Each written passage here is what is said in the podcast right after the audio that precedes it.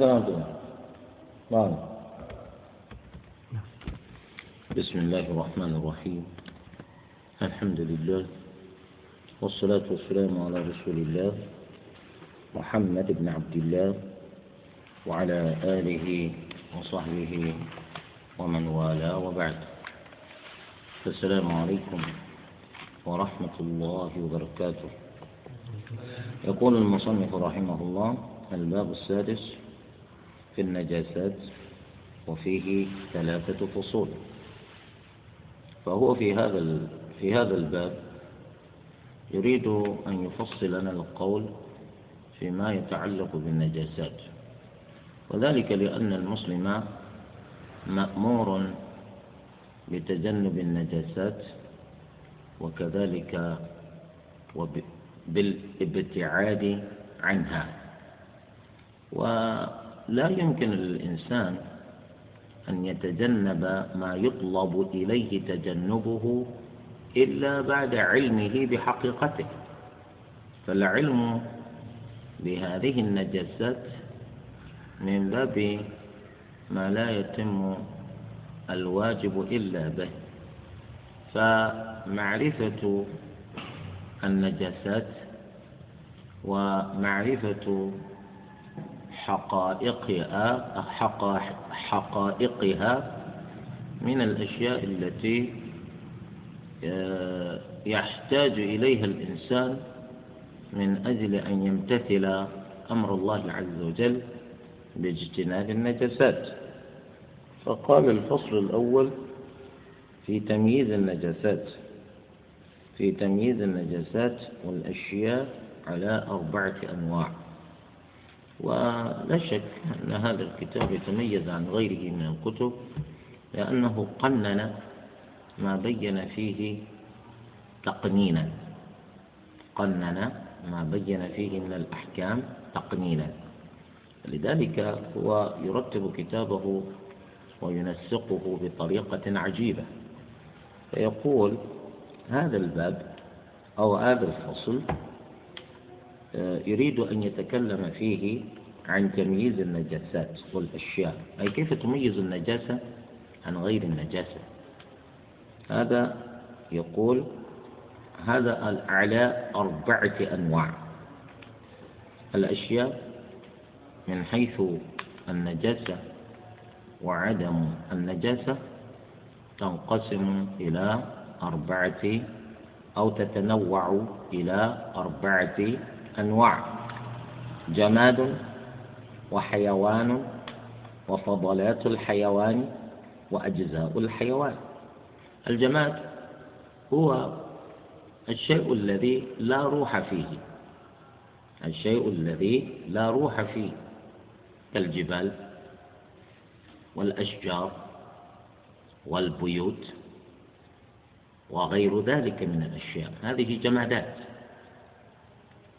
أما الحيوان فهو كل ما تحله الحياة كل ما تحله الحياة. إنسانا كان أو حيوانا غير ناطق أو طيرا أو سمكا أو حشرة وهلم جرا. كل ما تحله الحياة يقال له حيوان. فالإنسان هو نفسه حيوان. الإنسان نفسه حيوان. لماذا؟ لأنه تحله الحياة. الحياة تكون فيك ولذلك تكون حيا. وإذا خرجت الروح منك تصير بذلك ميتا. فالأشياء التي تحلها الحياة يقال لها حيوانات. يقال لها حيوانات. أما الجبل الآن فإن الحياة لا تحل في الجبل. الحياة لا تحل في الجبل. هذا المكتب لا تحله الحياة. هذا القرص لا تحله الحياة. فلذلك لا يقال لشيء من ذلك حيوان. لا يقال لشيء من ذلك حيوان. بخلاف الإنسان وبخلاف سائر الحيوانات. لأن الحياة تحل فيها. الحياة تحل فيها. ولذلك يقال لها حيوانات. هذه الحيوانات أيضا يعتريها الحكم الشرعي من حيث النجاسة وعدمها. وفضلات الحيوانات.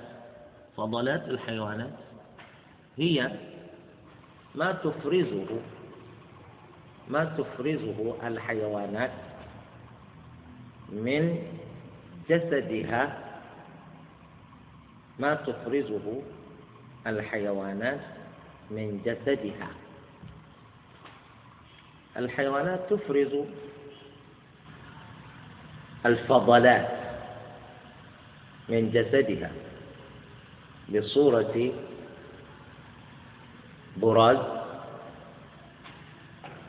أو أرواث أو أبوال. وهلم جر. هذه فضلات تفرزها الحيوانات من جسدها. كذلك العرق. الجسم يفرز هذا الشيء. كذلك الدمع. الجزء الجسم يفرز هذا الشيء. الريق الجسم يفرز هذا الشيء. الأشياء التي تفرزها أجساد الحيوانات. هذه الأشياء يقال لها فضلات وأجزاء الحيوانات.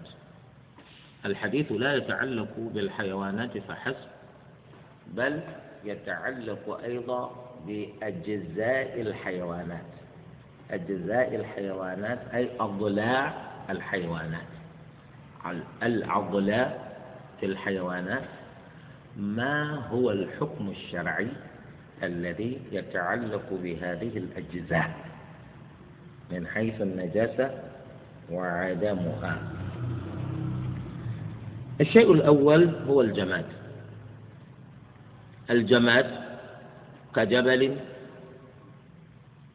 وكحجر وكبيت وكمصباح وكباب وكنافذة وككرسي وكهاتف النقال كل هذه الأشياء من الجمادات. فالجمادات طاهرة. فالجمادات طاهرة. الجبل طاهر. المكتب طاهر. الكرسي طاهر. كذلك الحجر طاهر. الباب طاهر. النافذة طاهرة.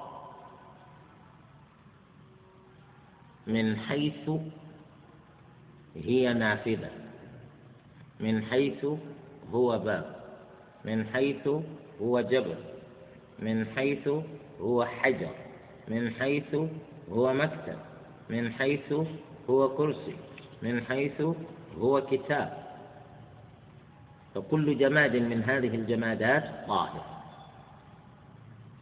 بصرف النظر عن وقوع شيء من النجاسات على شيء من ذلك. فإذا وقعت النجاسة على شيء من ذلك فالحكم يتعلق بما وقع عليه من نجاسة لا به. فالنجاسة هذه التي وقعت على هذا الجماد تزال. أما الشيء في أصله الجماد في أصله طاهر الجماد بأصله طاهر فإذا وقعت النجاسة عليه فإن النجاسة هذه تزال. أما الجماد فهو طاهر في أصله. إلا المسكر. المسكر هو الذي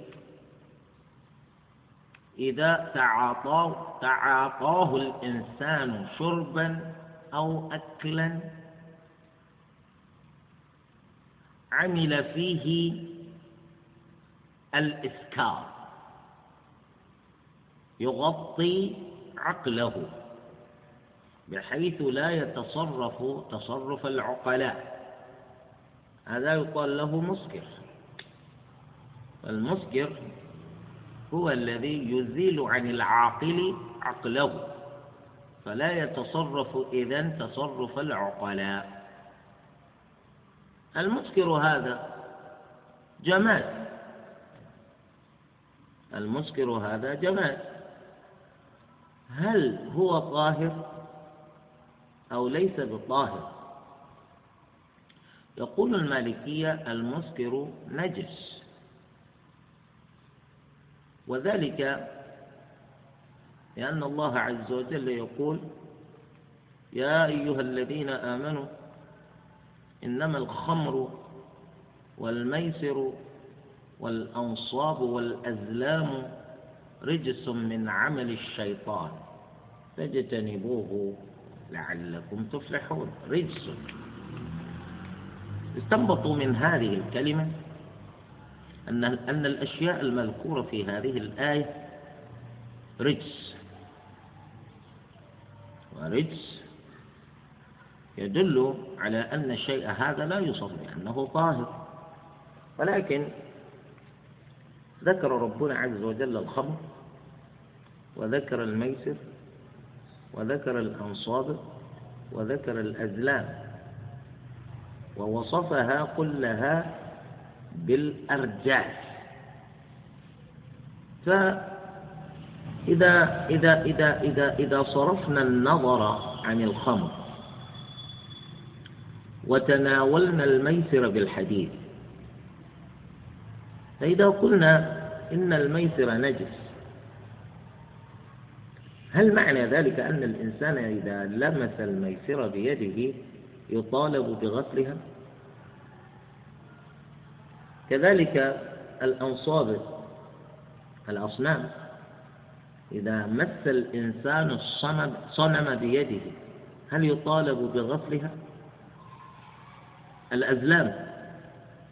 وهي السهام التي يستعملها أهل الجاهلية لطلب علم ما يغيب. هل هذا أيضا يقال له يقال لها نجسة؟ أو النجاسة في هذه الأشياء نجاسة معنوية لا حسية. هنا يختلف الفقهاء. منهم من يقول النجاسة هنا نجاسة عينية ومنهم من يقول نجاسة حسية. الصواب إن شاء الله أن النجاسة التي في ذلك نجاسة معنوية لا حسية. مثل ما قال ربنا عز وجل إنما المشركون نجس فلا يقربوا المسجد الحرام بعد عامهم هذا. فالنجاسة هنا نجاسة معنوية لا حسية. ومن هنا رأينا فيما سبق أن المشرك إذا شرب من الماء فإن شربه من الماء لا يزيل عن الماء صفة الطهورية. كذلك لو مس الإنسان بيده خمرا وهي مسكرة. فإنه لا يطالب بغسل تلك اليد لأنه مس الخمر والخمر كالبول. لا يقول بذلك أحد. إلا المالكية الذين يرون أن الخمر نجسة. فهمنا؟ إذا الصواب إن شاء الله أن نقول إن المسكرة نجس نجاسة معنوية لا حسية. وأما الحيوان فإن كان حيا فهو طاهر مطلقا. هذا هو المذهب المالكي. حكموا على كل حيوان بطهارة. حال حياته. كل حيوان حي فهو طاهر. ويدخل في ذلك الكلب كما يدخل في ذلك الخنزير أكرمكم الله. ويدخل في ذلك المشركون. لأن لأن الطهارة إذا علقت بالحياة فكل شيء حي فهو طاهر. كل شيء حي فهو طاهر. لأن علة طهارته الحياة. وما دامت الحياة باقية في شيء فيبقى ذلك الشيء طاهرا. فالكلب على هذا القول طاهر. والخنزير كذلك طاهر. والمشركون والكفار طاهرون. وعليه يقول المالكية في قول النبي صلى الله عليه وآله وسلم إذا ولد الكلب في إناء أحدكم فليغسله سبعا. إحداهن بالتراب. إحداهن بالتراب. وفي رواية فليعفره الثامنة بالتراب. يقول المالكية على الأقل لا نقول الإمام مالك لأن مالك أيضا له قول كهذا.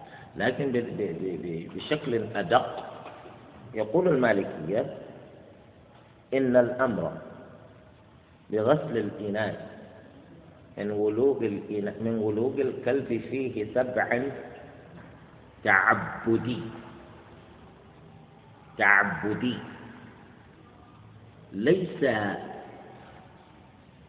تعليليا. أي ليس شيئا نعرف معناه. إنما أمرنا بذلك ونحن نمتثل الأمر. أمرنا بذلك فنمتثل الأمر. ويقول غيرهم من الفقهاء السبب الذي أفضى إلى الأمر بغسل الإناء من ولوغ الكلب فيه سبعا هو النجاسة. إذا فنجاسة الكلب نجاسة كبيرة. نجاسة كبيرة. ويقول المالكية لو كان الأمر كما قلتم لما كان الكلب أولى بالأمر من غسل الإناء من ولوغه فيه سبعا دون الغائط لكان الغائط أولى بذلك. لأننا اتفقنا بأن نجاسة الغائط نجاسة مغلظة نجاسة مغلظة ولا يوجد. في الشريعة الأمر بغسل الثوب من الغائط سبعة إنما أنت مأمور بغسل الثوب من الغائط حتى يطهر. والله عز وجل ولا الرسول صلى الله عليه وآله وسلم ما أمرك بأن تغسل ثوبك من الغائط مرتين أو ثلاثة أو أربعة فضلا عن سبع هذا هو. طبعا المالكية بهذا يأخذونهم بلازم قوله. أنتم تقولون بطهارة الكلب معنى ذلك يجوز عندكم بيع وشراء الكلب يقولون نحن ما قلنا بأنه يجوز بيع الكلب وما قلنا بجواز شراء الكلب إنما تؤاخذون بهذا القول بلازم قولنا ولازم القول ليس قولا.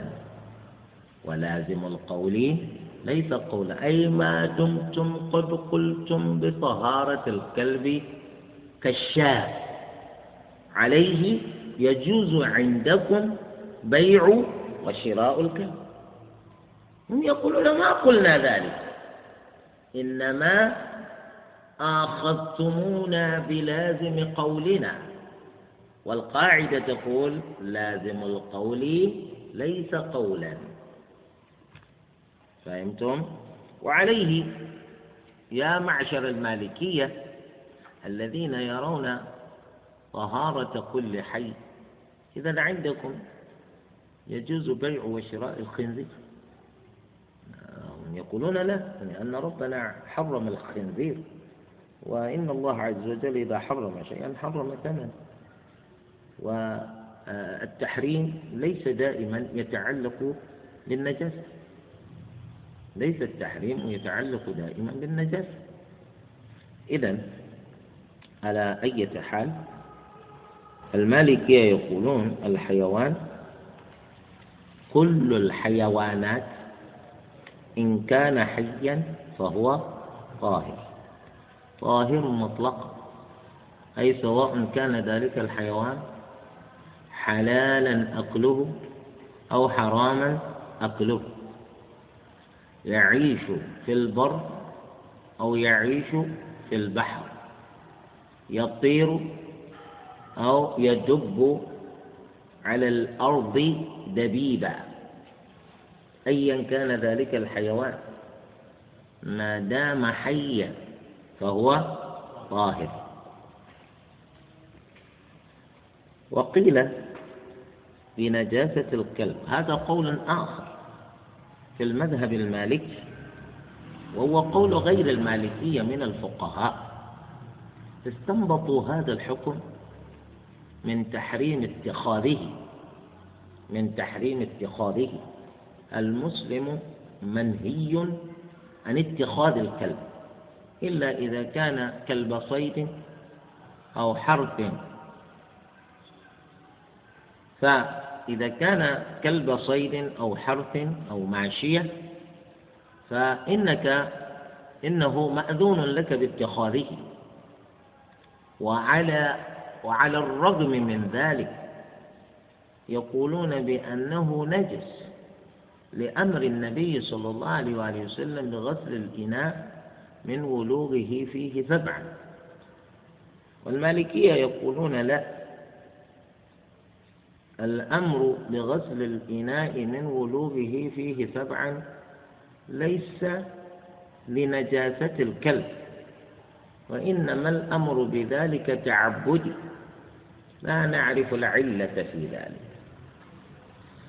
وقال بعض المالكية ويستثنى من القول بنجاسة الكلب الكلب المأذون باتخاذه.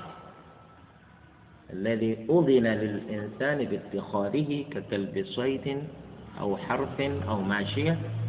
يقولون هذا يستثنى يستثنى من هذه النجاسة. لا الأصل هو العموم ولا يخصص إلا بالدليل ولا يوجد ذلك الدليل والحمد لله. والخنزير قول آخر في المذهب المالكي استثنى الخنزير لأن ربنا عز وجل حرم الخنزير. كذلك المشرك لقول الله عز وجل إنما المشركون نجس. طبعا السبب في هذا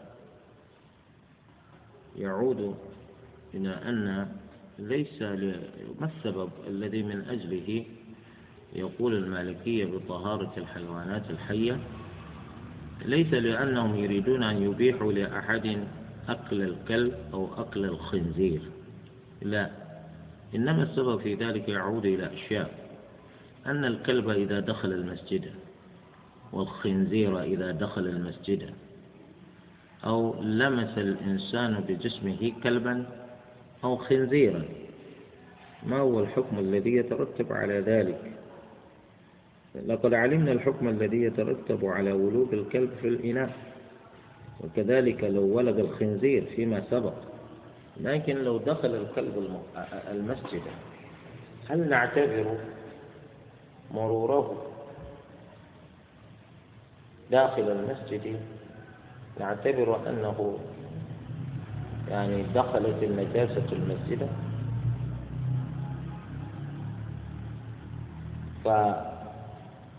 فيكون الواجب علينا غسل موضع قدم الكلب. لأن النجاسة قد دخلت المسجد والخنزير كذلك. فالمالكية يقولون حتى غير المالكية لا يقولون بأن الكلب إذا وطئ بقدمه المسجد فإن ذلك الموضع يغسل ما قالوا ذلك. حتى الخنزير ما قالوا ذلك. إنما نتحرى ونتأكد من أنه لا وجود للنجاسة في أقدام الكلب ولا في أقدام الخنزير. وإلا إذا كان في أقدام هذه الحيوانات نجاسات فإننا مطالبون بغسل تلك النجاسات التي وطئ المسجد بها. نغسل النجاسة التي وطئ المسجد بها. حتى لو كان الإنسان هو الذي وطئ المسجد بنجاسة فإننا نغسل تلك النجاسة هذا هو. والصواب إن شاء الله أن الكلب نجس وأن الخنزير نجس والمشرك نجس. إلا أنه إلا أن ثم فرقا بين نجاسة الكلب والخنزير ونجاسة المشرك فنجاسة كل من الكلب والخنزير نجاسة عينية نجاسة عينية يعني هي نفسها نجسة هي نفسها نجسة. أما نجاسة المشرك فنجاسته معنوية. نجاسة المشرك معنوية. أما نجاسة الكلب فنجاسة عينية كذلك الخنزير. وإن كان ميتا إذا كان الحيوان ميتا فلا يخلو من أن يموت حتف أنفه أو بذكاء. إذا مات الحيوان حتف أنفه معناه أنه مات بقدر الله وقضائه ولم يمت بفعل فاعل. هذا يقال له مات حتف أنفه. والذي يموت بذكاء بمعنى مات بذبح أو نحر ذبح أو نحر. البقرة تذبح والشاة تذبح. أما الإبل فينحر. الإبل ينحر. فإن مات بذكاة أي ذبح ذبح الشاة ذبح الكلب. فالمذكى جائز الأكل كالشاة. ذكيت وهي جائزة الأكل. طاهر. طاهر باتفاق. أي باتفاق العلماء. الشاة إذا ذبحت فإنها تبقى طاهرة باتفاق العلماء. والمذكى المحرم كالكلب. الكلب حرام أكله. وقد ذبحه صاحبه. مختلف فيه. الخلاف هنا ليس في لحمه وإلا كيف كان محرم الأكل؟ إنما الخلاف في أجزائه. هل يجوز للإنسان أن يستفيد من أجزاء ذلك الحيوان المحرم إذا ذكي؟ بمعنى هل يجوز لنا أن نستفيد من جلده؟ هل يجوز لنا أن نستفيد من عظمه؟ هل يجوز لنا أن نستفيد من عضلاته في غير الأكل؟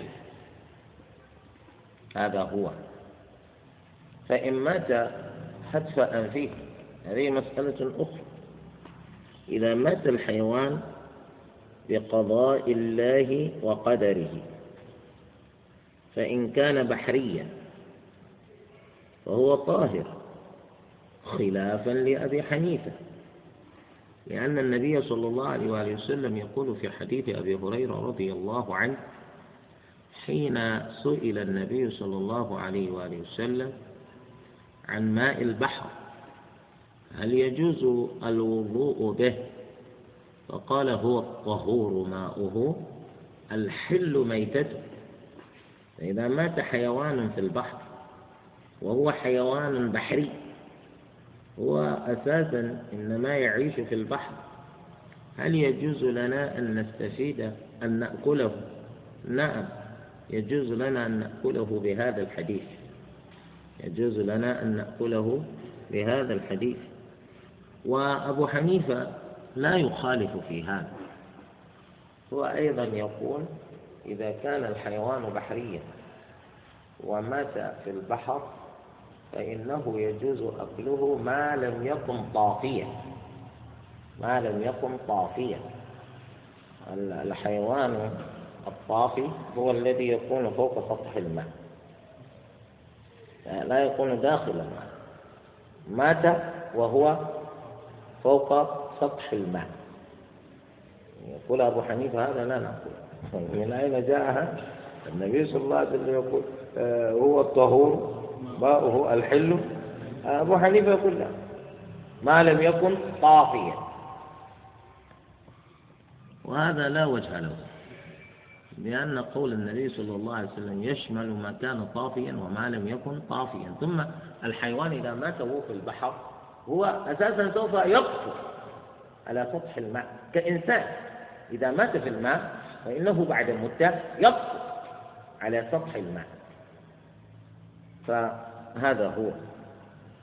وإن كان بريا أي حيوان يعيش على البر يعيش على الأرض هو مات حتف أنفه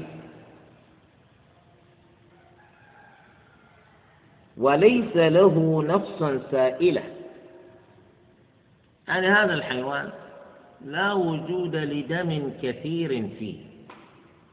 خلقه الله بدم قليل. أودع الله فيه دما قليلا. مثل يعني مثل الذباب ومثل الزنبور ومثل النحل ومثل الجراد. طبعا الجراد حلال أكله سواء كان ميتا أو حيا. هذه الحشرات التي لا وجود لدم سائلة فيها فهو طاهر.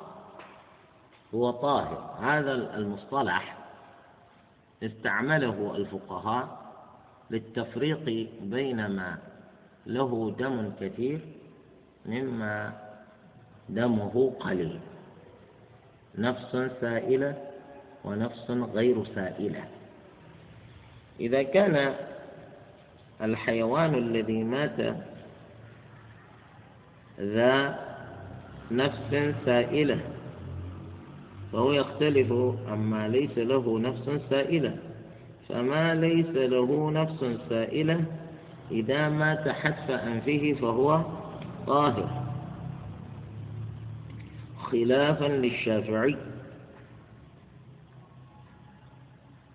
فهذا يحتاج إلى البحث والتحقيق.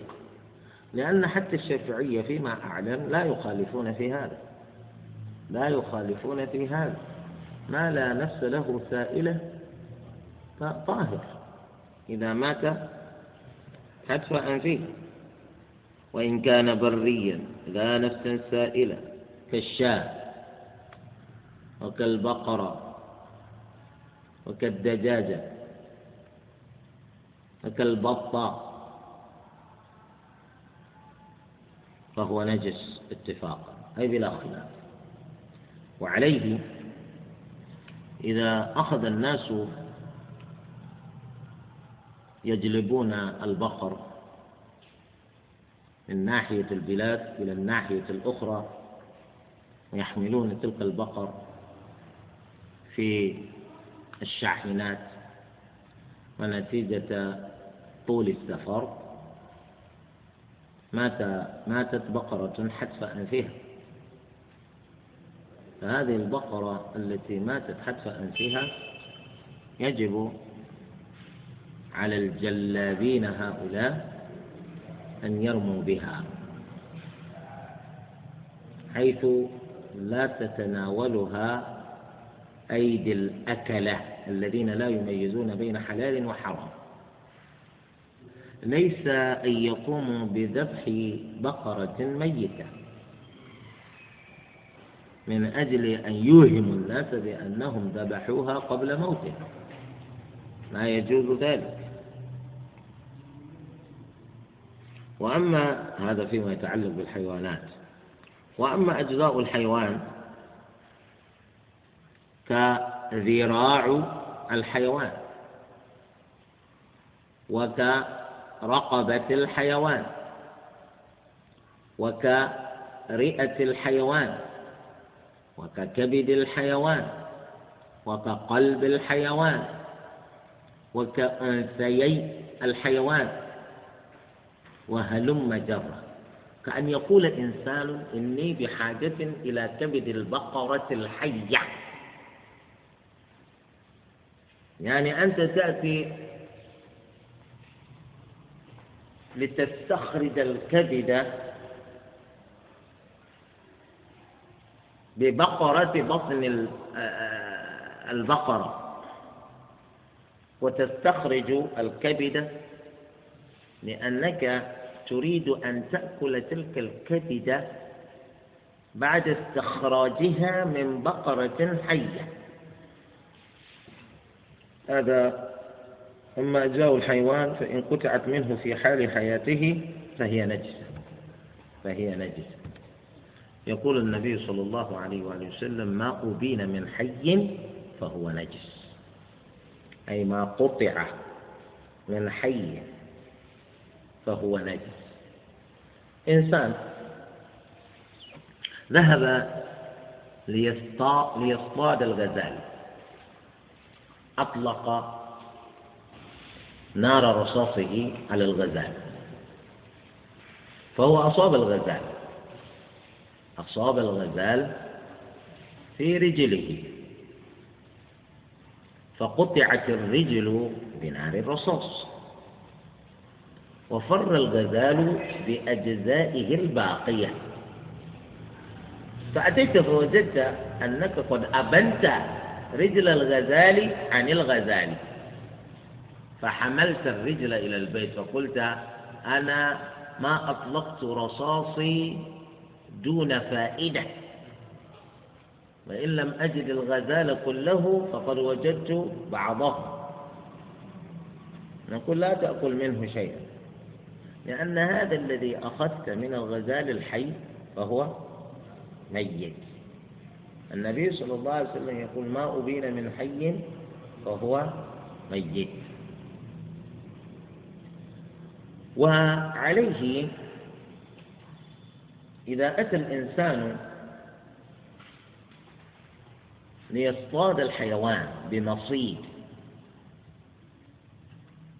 يأتي بمصيد يصطاد به الحيوانات. فأدخل حيوان رجله في المصيد. واستمسك المصيد الرجل.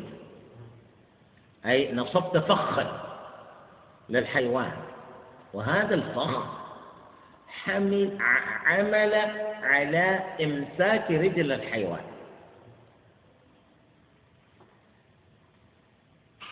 وقطع الفخ الرجل كله. الرجل كلها أبان الرجل عن الجسد كله. ثم أتيت فوجدت الرجل فتقول لا هذا خير من لا شيء. لا أنت لا تأكل منه شيئا لأنه نجس. ما أبين من حي فهو نجس. هذا هو.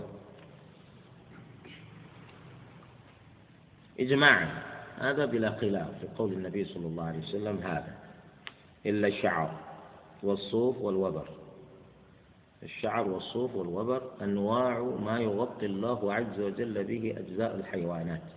من الحيوانات ما غطي جسده بالشعر ومنه ما غطي جسده بالصوف ومنه ما غطي جسده بالوبر. إذا هذا يجوز لنا أن نستخرجه أن نستخرجه من الحيوان الحي. أنت تأتي لتقص الشعر من جسد الحيوان وهو حي. أو تقص الصوف أو تقص الوبر من الحيوان الحي. هذا يجوز. ذلك لأن هذا يقولون ليس مما تحله الحياة. ليس مما تحله الحياة. والمقصود بذلك أنك إذا جئت لتقصه فإن الحيوان لا يتألم بقصه. يعني إذا جئت لتقص الشعر الحيوان لا يتألم. كما إذا أردت أن تستخرج رجل الحيوان من الحيوان والحيوان حي. كما إذا أردت أن تكسر عظم الحيوان والحيوان حي. كما لو أردت أن تستخرج العظم من الحيوان الحي. فليس الأمر كذلك فيما يتعلق بالشعر أو الصوف أو الوبر فلأجل هذا يقولون الشعر يجوز استخراجه من الحيوان الحي والصوف كذلك والوبر كذلك لأن الصوف والشعر والوبر مما لا تحله الحياة.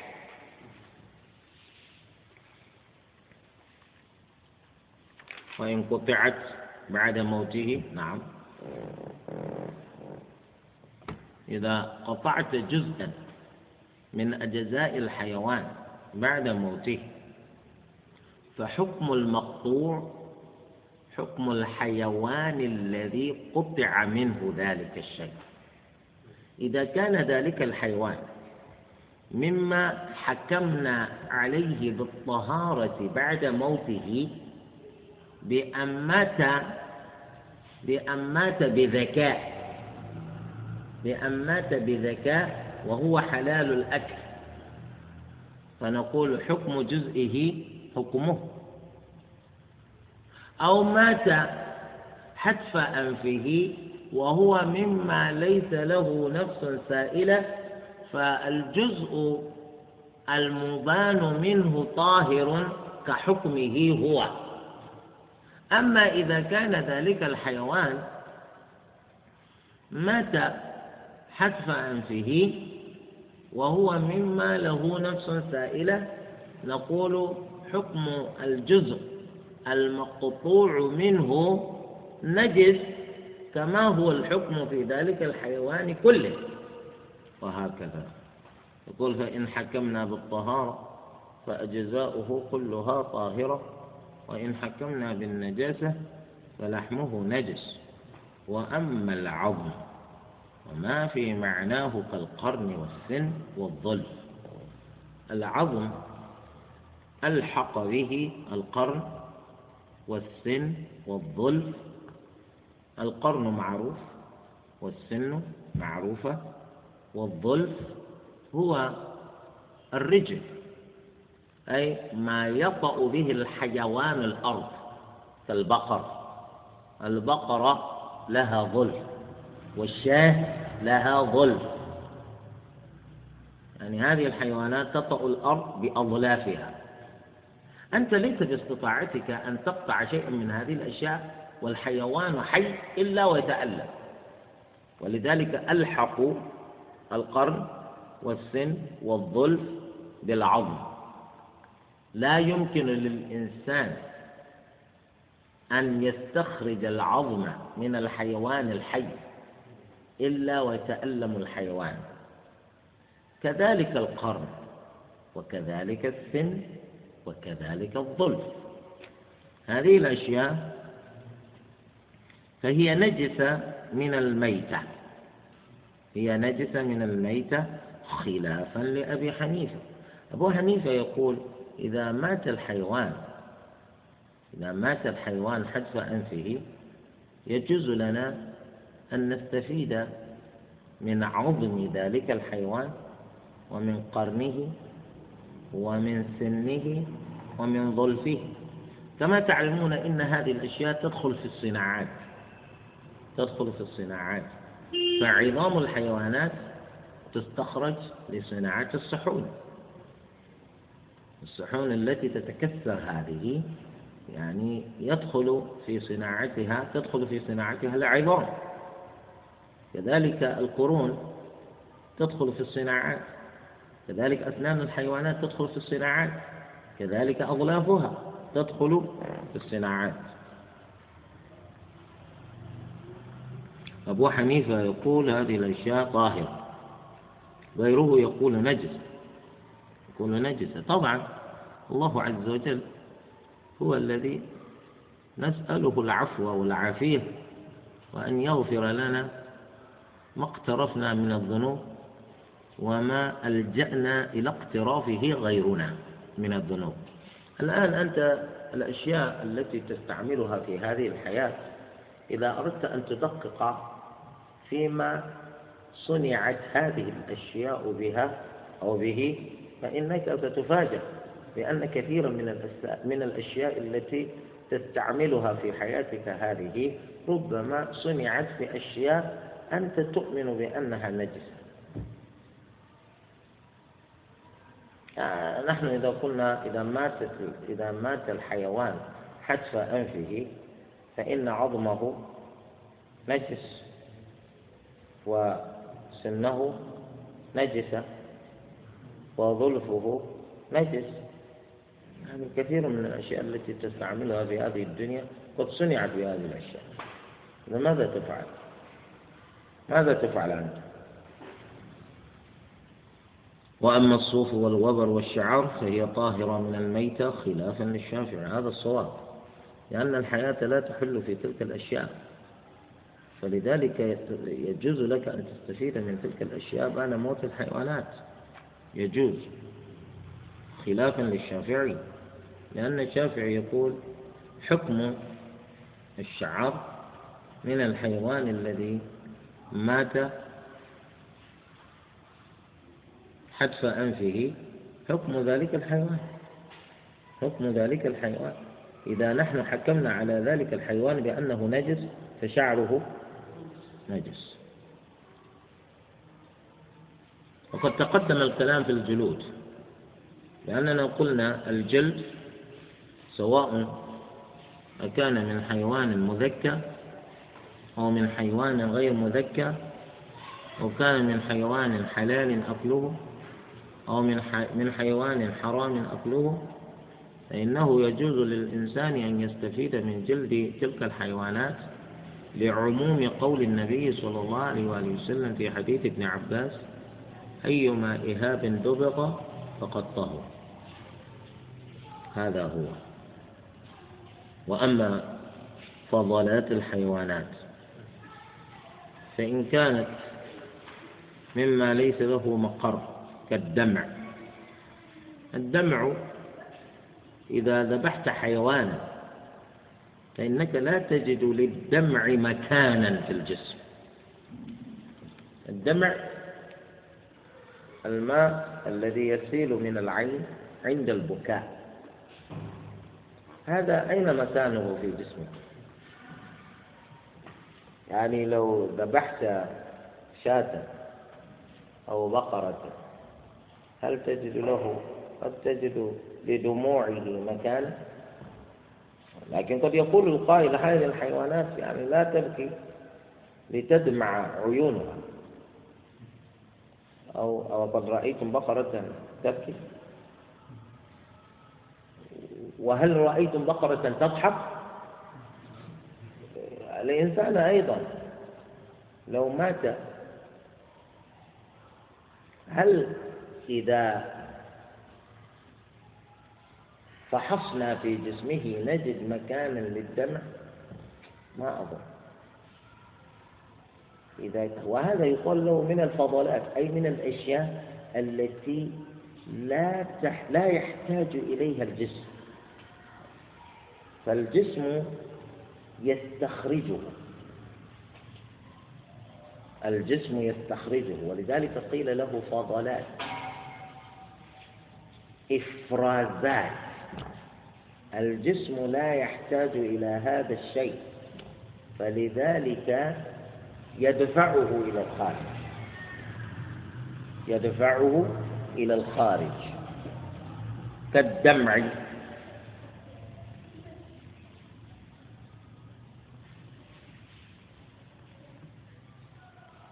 والعرق الإنسان يتصبب عرقا. إذا جلس في مكان التهوية فيه سيئة. أو إذا ارتفعت الحرارة. أو إذا أجهد الإنسان نفسه. فإنه يتصبب عرقا. أينما كان العرق هذا في جسم الإنسان؟ معنى كده وهو أيضا من الفضلات. واللعاب. هذا الريق. الريق الذي يسيل من الفم يقال له اللعاب البصاق هذا الذي يخرج من الفم. أين مكان والله ما ندري. كذلك وهو أيضا من الفضلات لأن الجسم لا يحتاج إليه فقد يخرج تستخرجه وتلفظه ترمي به إلى الأرض فهي طاهرة من كل حيوان. فهي طاهرة من كل حيوان. لو أن إنسانا توضأ وضوءا كاملا صحيحا فبكى بأن دمعت عيناه. صلي. ما يحتاج إلى أن يجدد وضوءه. ليس كأن يبول. وليس كأن يتغوط. كذلك لو أنه تصبب عرقا بعد وضوء صحيح له صلي. كذلك لو لفظ ببصاق من فمه فقد توضأ هذا لا يؤثر في وضوئه شيئا. يصلي. هذه الأشياء طاهرة من كل حيوان. طبعا لا تنسون أننا نتكلم في الحيوانات. واختلف في لعاب الكلب. اختلف في لعاب الكلب لأنه أيضا من الفضلات. النبي صلى الله عليه وسلم لما قال إذا ولد الكلب في إناء أحدهم ما معنى الولوغ هل هو مجرد إدخال الفم في الإناء أو إدخال الفم في الإناء مع استخراج اللسان وتحريكه. هذا الثاني هو المقصود بالولوغ الكلب يدخل فمه في الإناء ويستخرج لسانه. ويحرك لسانه. وبهذه الأفعال فإن اللعاب قد يسقط داخل الإناء لذلك يقول العلماء الأمر بغسل الإناء من ولوغ الكلب سبعا إحداهن بالتراب. قالوا بسبب لعاب فم الكلب. لأن لعاب فم الكلب فيه من اللزوجة ما لا يمكن إزالتها إلا بشيء خشن كالتراب. فهل لعاب الكلب هذا نجس أو ليس بنجس؟ هل إنما أمر النبي صلى الله عليه وآله وسلم بغسل الإناء من ولوغ الكلب من أجل كون الكلب نجسا ولعابه نجس؟ أو من أجل أن لعابه قد يحتوي على الجراثيم والميكروبات التي لا ترى بالعيون المجردة والتي بإمكانها أن تجلب للإنسان الأمراض وكذلك العاهات. يعني خلافات بين العلماء. فإن شاء الله الكلب نجس.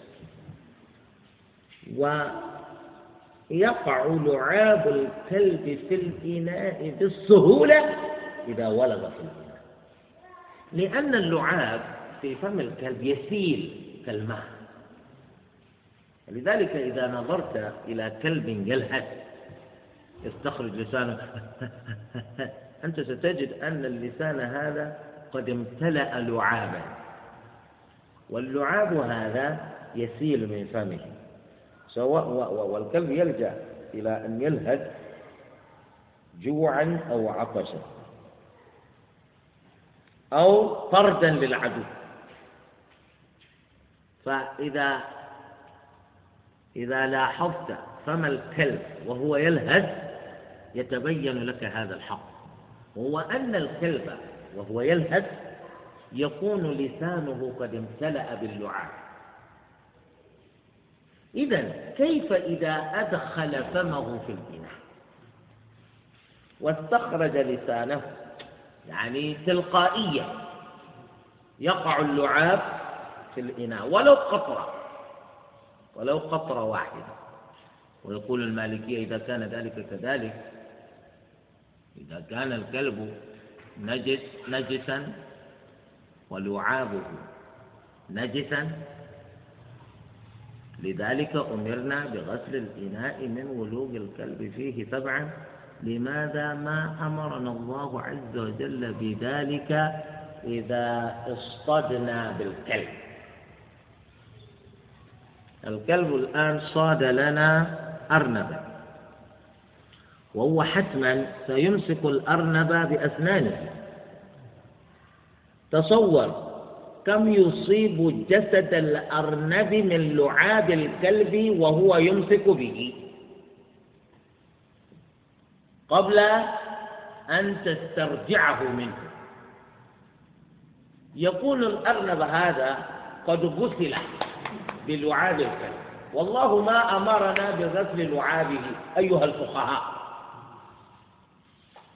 قال الفقهاء نعم يا مالكية ما أمرنا الله عز وجل بغسل لعابه في جسد الحيوان المصاد لأن الله عز وجل يفعل ما يريد. وأيضا نتمكن من إزالة ما في لعاب الكلب من أذى بطبخ الحيوان المصاد. فهمتم هذا؟ فمن أجل هذا يا مالكية ما لكم دليل؟ هذا هو. ف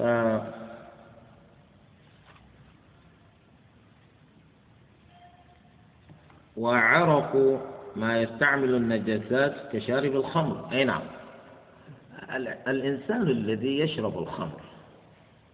ماذا تقولون في عرقه؟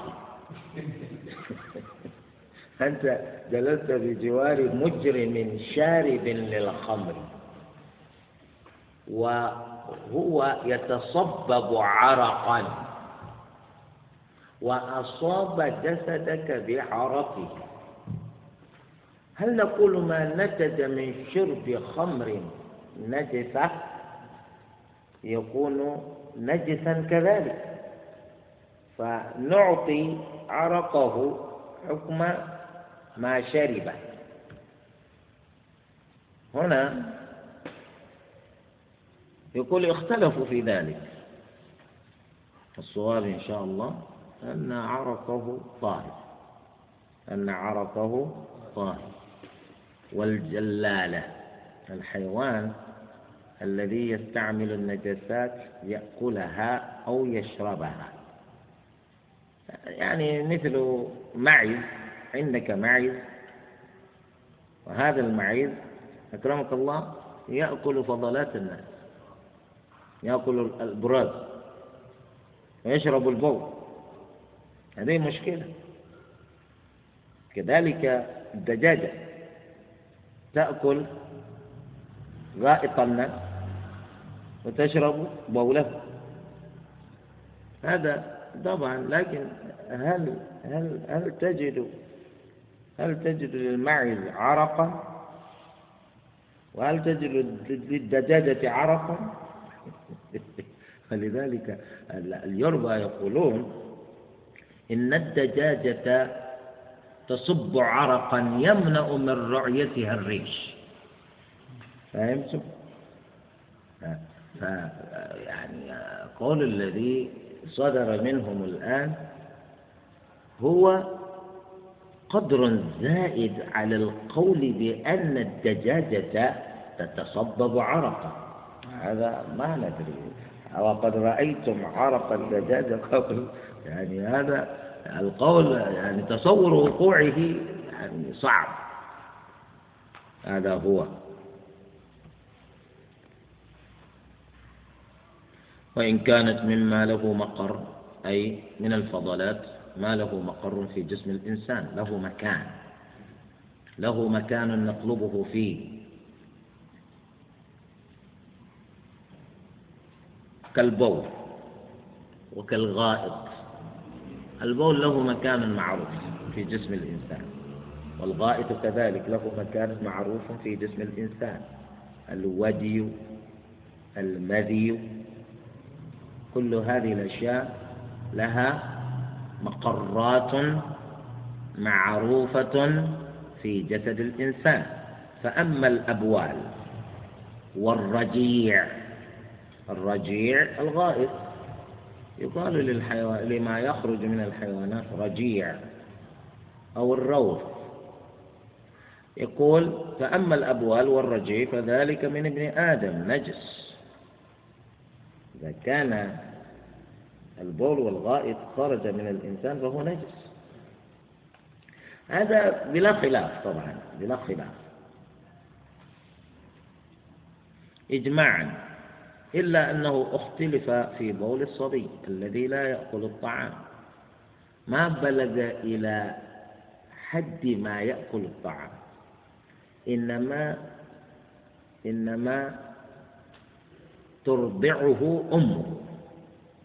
إنما ترضعه أمه فهو رضيع. ما وصل إلى حد الانفطام حتى وإن لم يصل إلى الانفطام إلا أنه يأكل ويرضع هذا موجود. لكن هذا يرضع فقط ولا يأكل غير الرضاعة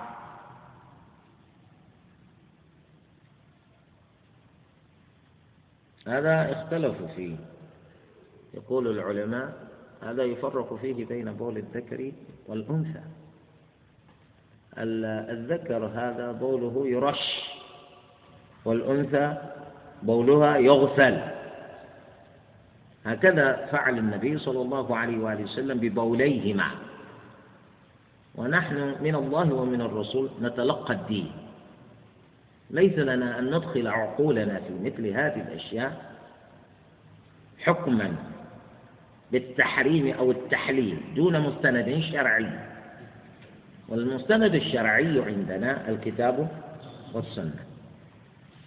فنفعل كما فعل الرسول صلى الله عليه وسلم. لا نحتاج إلى أن نقول كما قال الفقهاء بعضهم يقول لا فرق عندنا بين بول الصبي والصبية. يغسل منهما معا. نحن نقول لا. فرق النبي صلى الله عليه وسلم بينهما وفرق بينهما. ولذلك يقولون في الفروق الفقهية يقولون يغسل من بول الصبية ويرش من بول الصبي وكلاهما بول. ما الفرق بينهما؟ فهمت؟ يقال الفرق بينهما أن النبي صلى الله عليه وسلم فرق بينهما. هذا الأول. لا يستطيع أحد أن يدفع ذلك. ثانيا يعلل الفقهاء بتعليلات كثيرة. هم يقولون بعضهم قال لأن نجاسة بول الصبية آكد من نجاسة بول الصبي. لا لا يا جماعة. البول بول. النبي صلى الله عليه وسلم هو الذي فرق بينهم. سنعود إلى الأول دائما بعضهم يقول لأن النفوس تتعلق بالصبي فيحمل أكثر. دون الصبية فيكون حملها أقل من حمل الصبي. وما يتعلق الحمل به أكثر يتحرج الناس فيما لو أمروا بأن يغسلوا بوله دائما ودائما ودائما بخلاف من حملهم لها أقل. نقول هذا كمان يعني الناس يعني في الجاهلية نفوسهم تتعلق بالذكور دون الإناث. نحن مسلمون يا جماعة. يعني يذكرون أشياء كثيرة. على كل حال من الفقهاء من يرى ألا فرق بين البولين والصواب أنهما مختلفان وإلا ما فرق النبي صلى الله عليه وسلم بينهما. أما وقد فرق بينهما فنعلم بذلك أن بول الصبي ليس كبول الصبية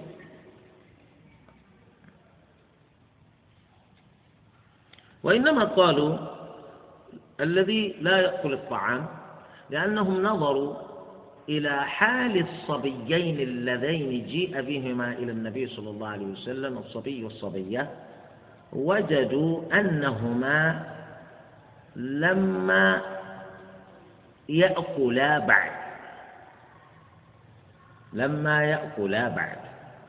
فلذلك قالوا الصبي إذا إذا لم يصل إلى حد الأكل إنما يرضع وبال في الإنسان أو بال على شيء فإن هذا الشيء يرش بخلاف بول الصبية فإنه يغسل.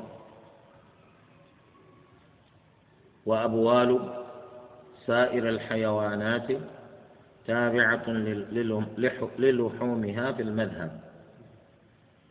آه، المقصود بهذا أن كل حيوان حكم بوله حكمه هو.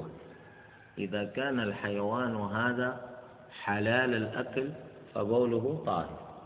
إذا كان الحيوان نجسا إذا كان الحيوان حرام الأكل فبوله نجس. فيقال لك ما حكم بول البقرة؟ تقول طاهر. بول الخروف؟ طاهر. بول الأرنب؟ طاهر. بول القرد؟ نجس. كذلك بول الكلب؟ بول الخنزير؟ وهكذا. بول الدجاج. شفت كيف؟ هل هل للدجاجة بول؟ هكذا تسأل. إذا نكتفي بهذا القدر. سبحانك اللهم وبحمدك. أشهد أن لا إله إلا أنت. أستغفرك